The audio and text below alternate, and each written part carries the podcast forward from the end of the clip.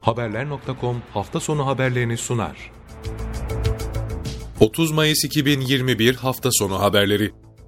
İçişleri Bakanlığı Ağrı'nın Doğu Beyazıt ilçesi kırsalında gerçekleştirilen Eren 15 operasyonunda çıkan çatışmada ağır yaralanan bir askerin hastanede şehit olduğunu açıkladı.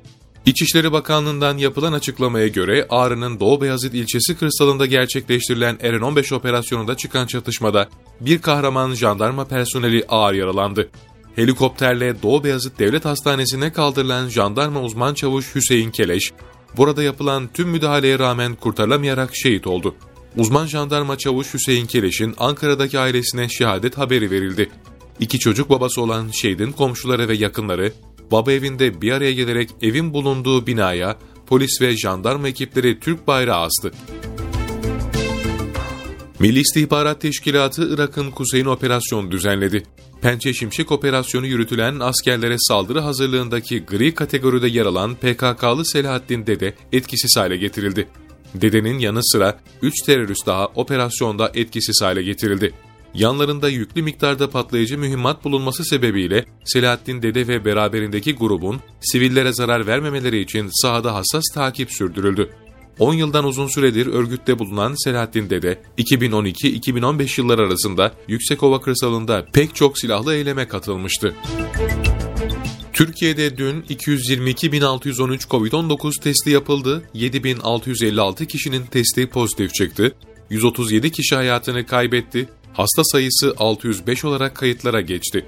Ağır hasta sayısı 1391 olduğu 11.180 kişinin COVID-19 tedavisinin sona ermesiyle iyileşenlerin sayısı 5 milyon 94.279'a yükseldi.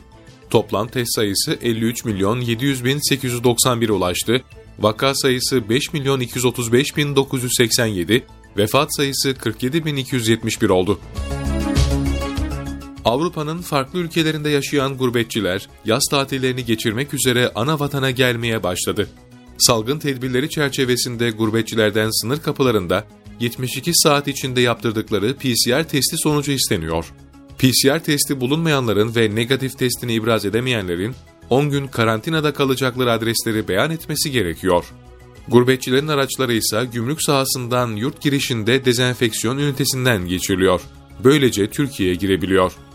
Salgın nedeniyle geçen yıl yurda girişi ertelenen gurbetçilerin bu izin döneminde yoğunluk oluşturacağı tahmin ediliyor.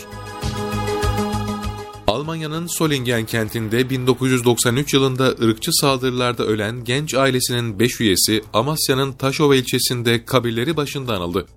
Anma programına katılan Yurtdışı Türkler ve Akraba Topluluklar Başkanı Abdullah Eren, gazetecilere Soligen'deki saldırıda hayatını kaybedenlere Allah'tan rahmet diledi.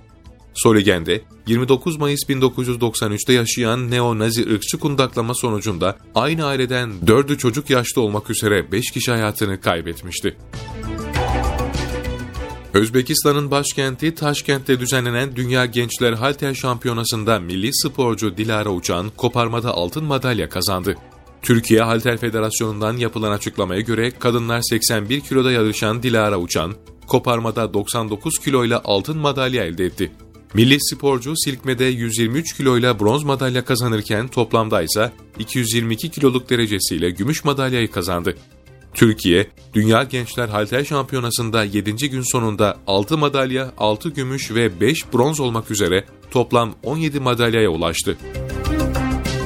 Myanmar'da askeri darbeden bu yana Myanmar ordusuyla darbe karşıtı silahlı gruplar arasında çıkan çatışmalar sonucu en az 120 bin kişinin yerinden edildiği ve Myanmar ordusunun kaçırdığı en az 75 sivilin kaybolduğu bildirildi. Myanmar ordusunun darbe karşıtlarına müdahalesi sonucu 833 kişi hayatını kaybetmişti. Ülkede geniş katılımlı gösteriler sürerken, gözaltındaki üst düzey hükümet yetkililerinin askeri mahkemede yargılanmalarına devam ediliyor. Haberler.com hafta sonu haberlerini sundu.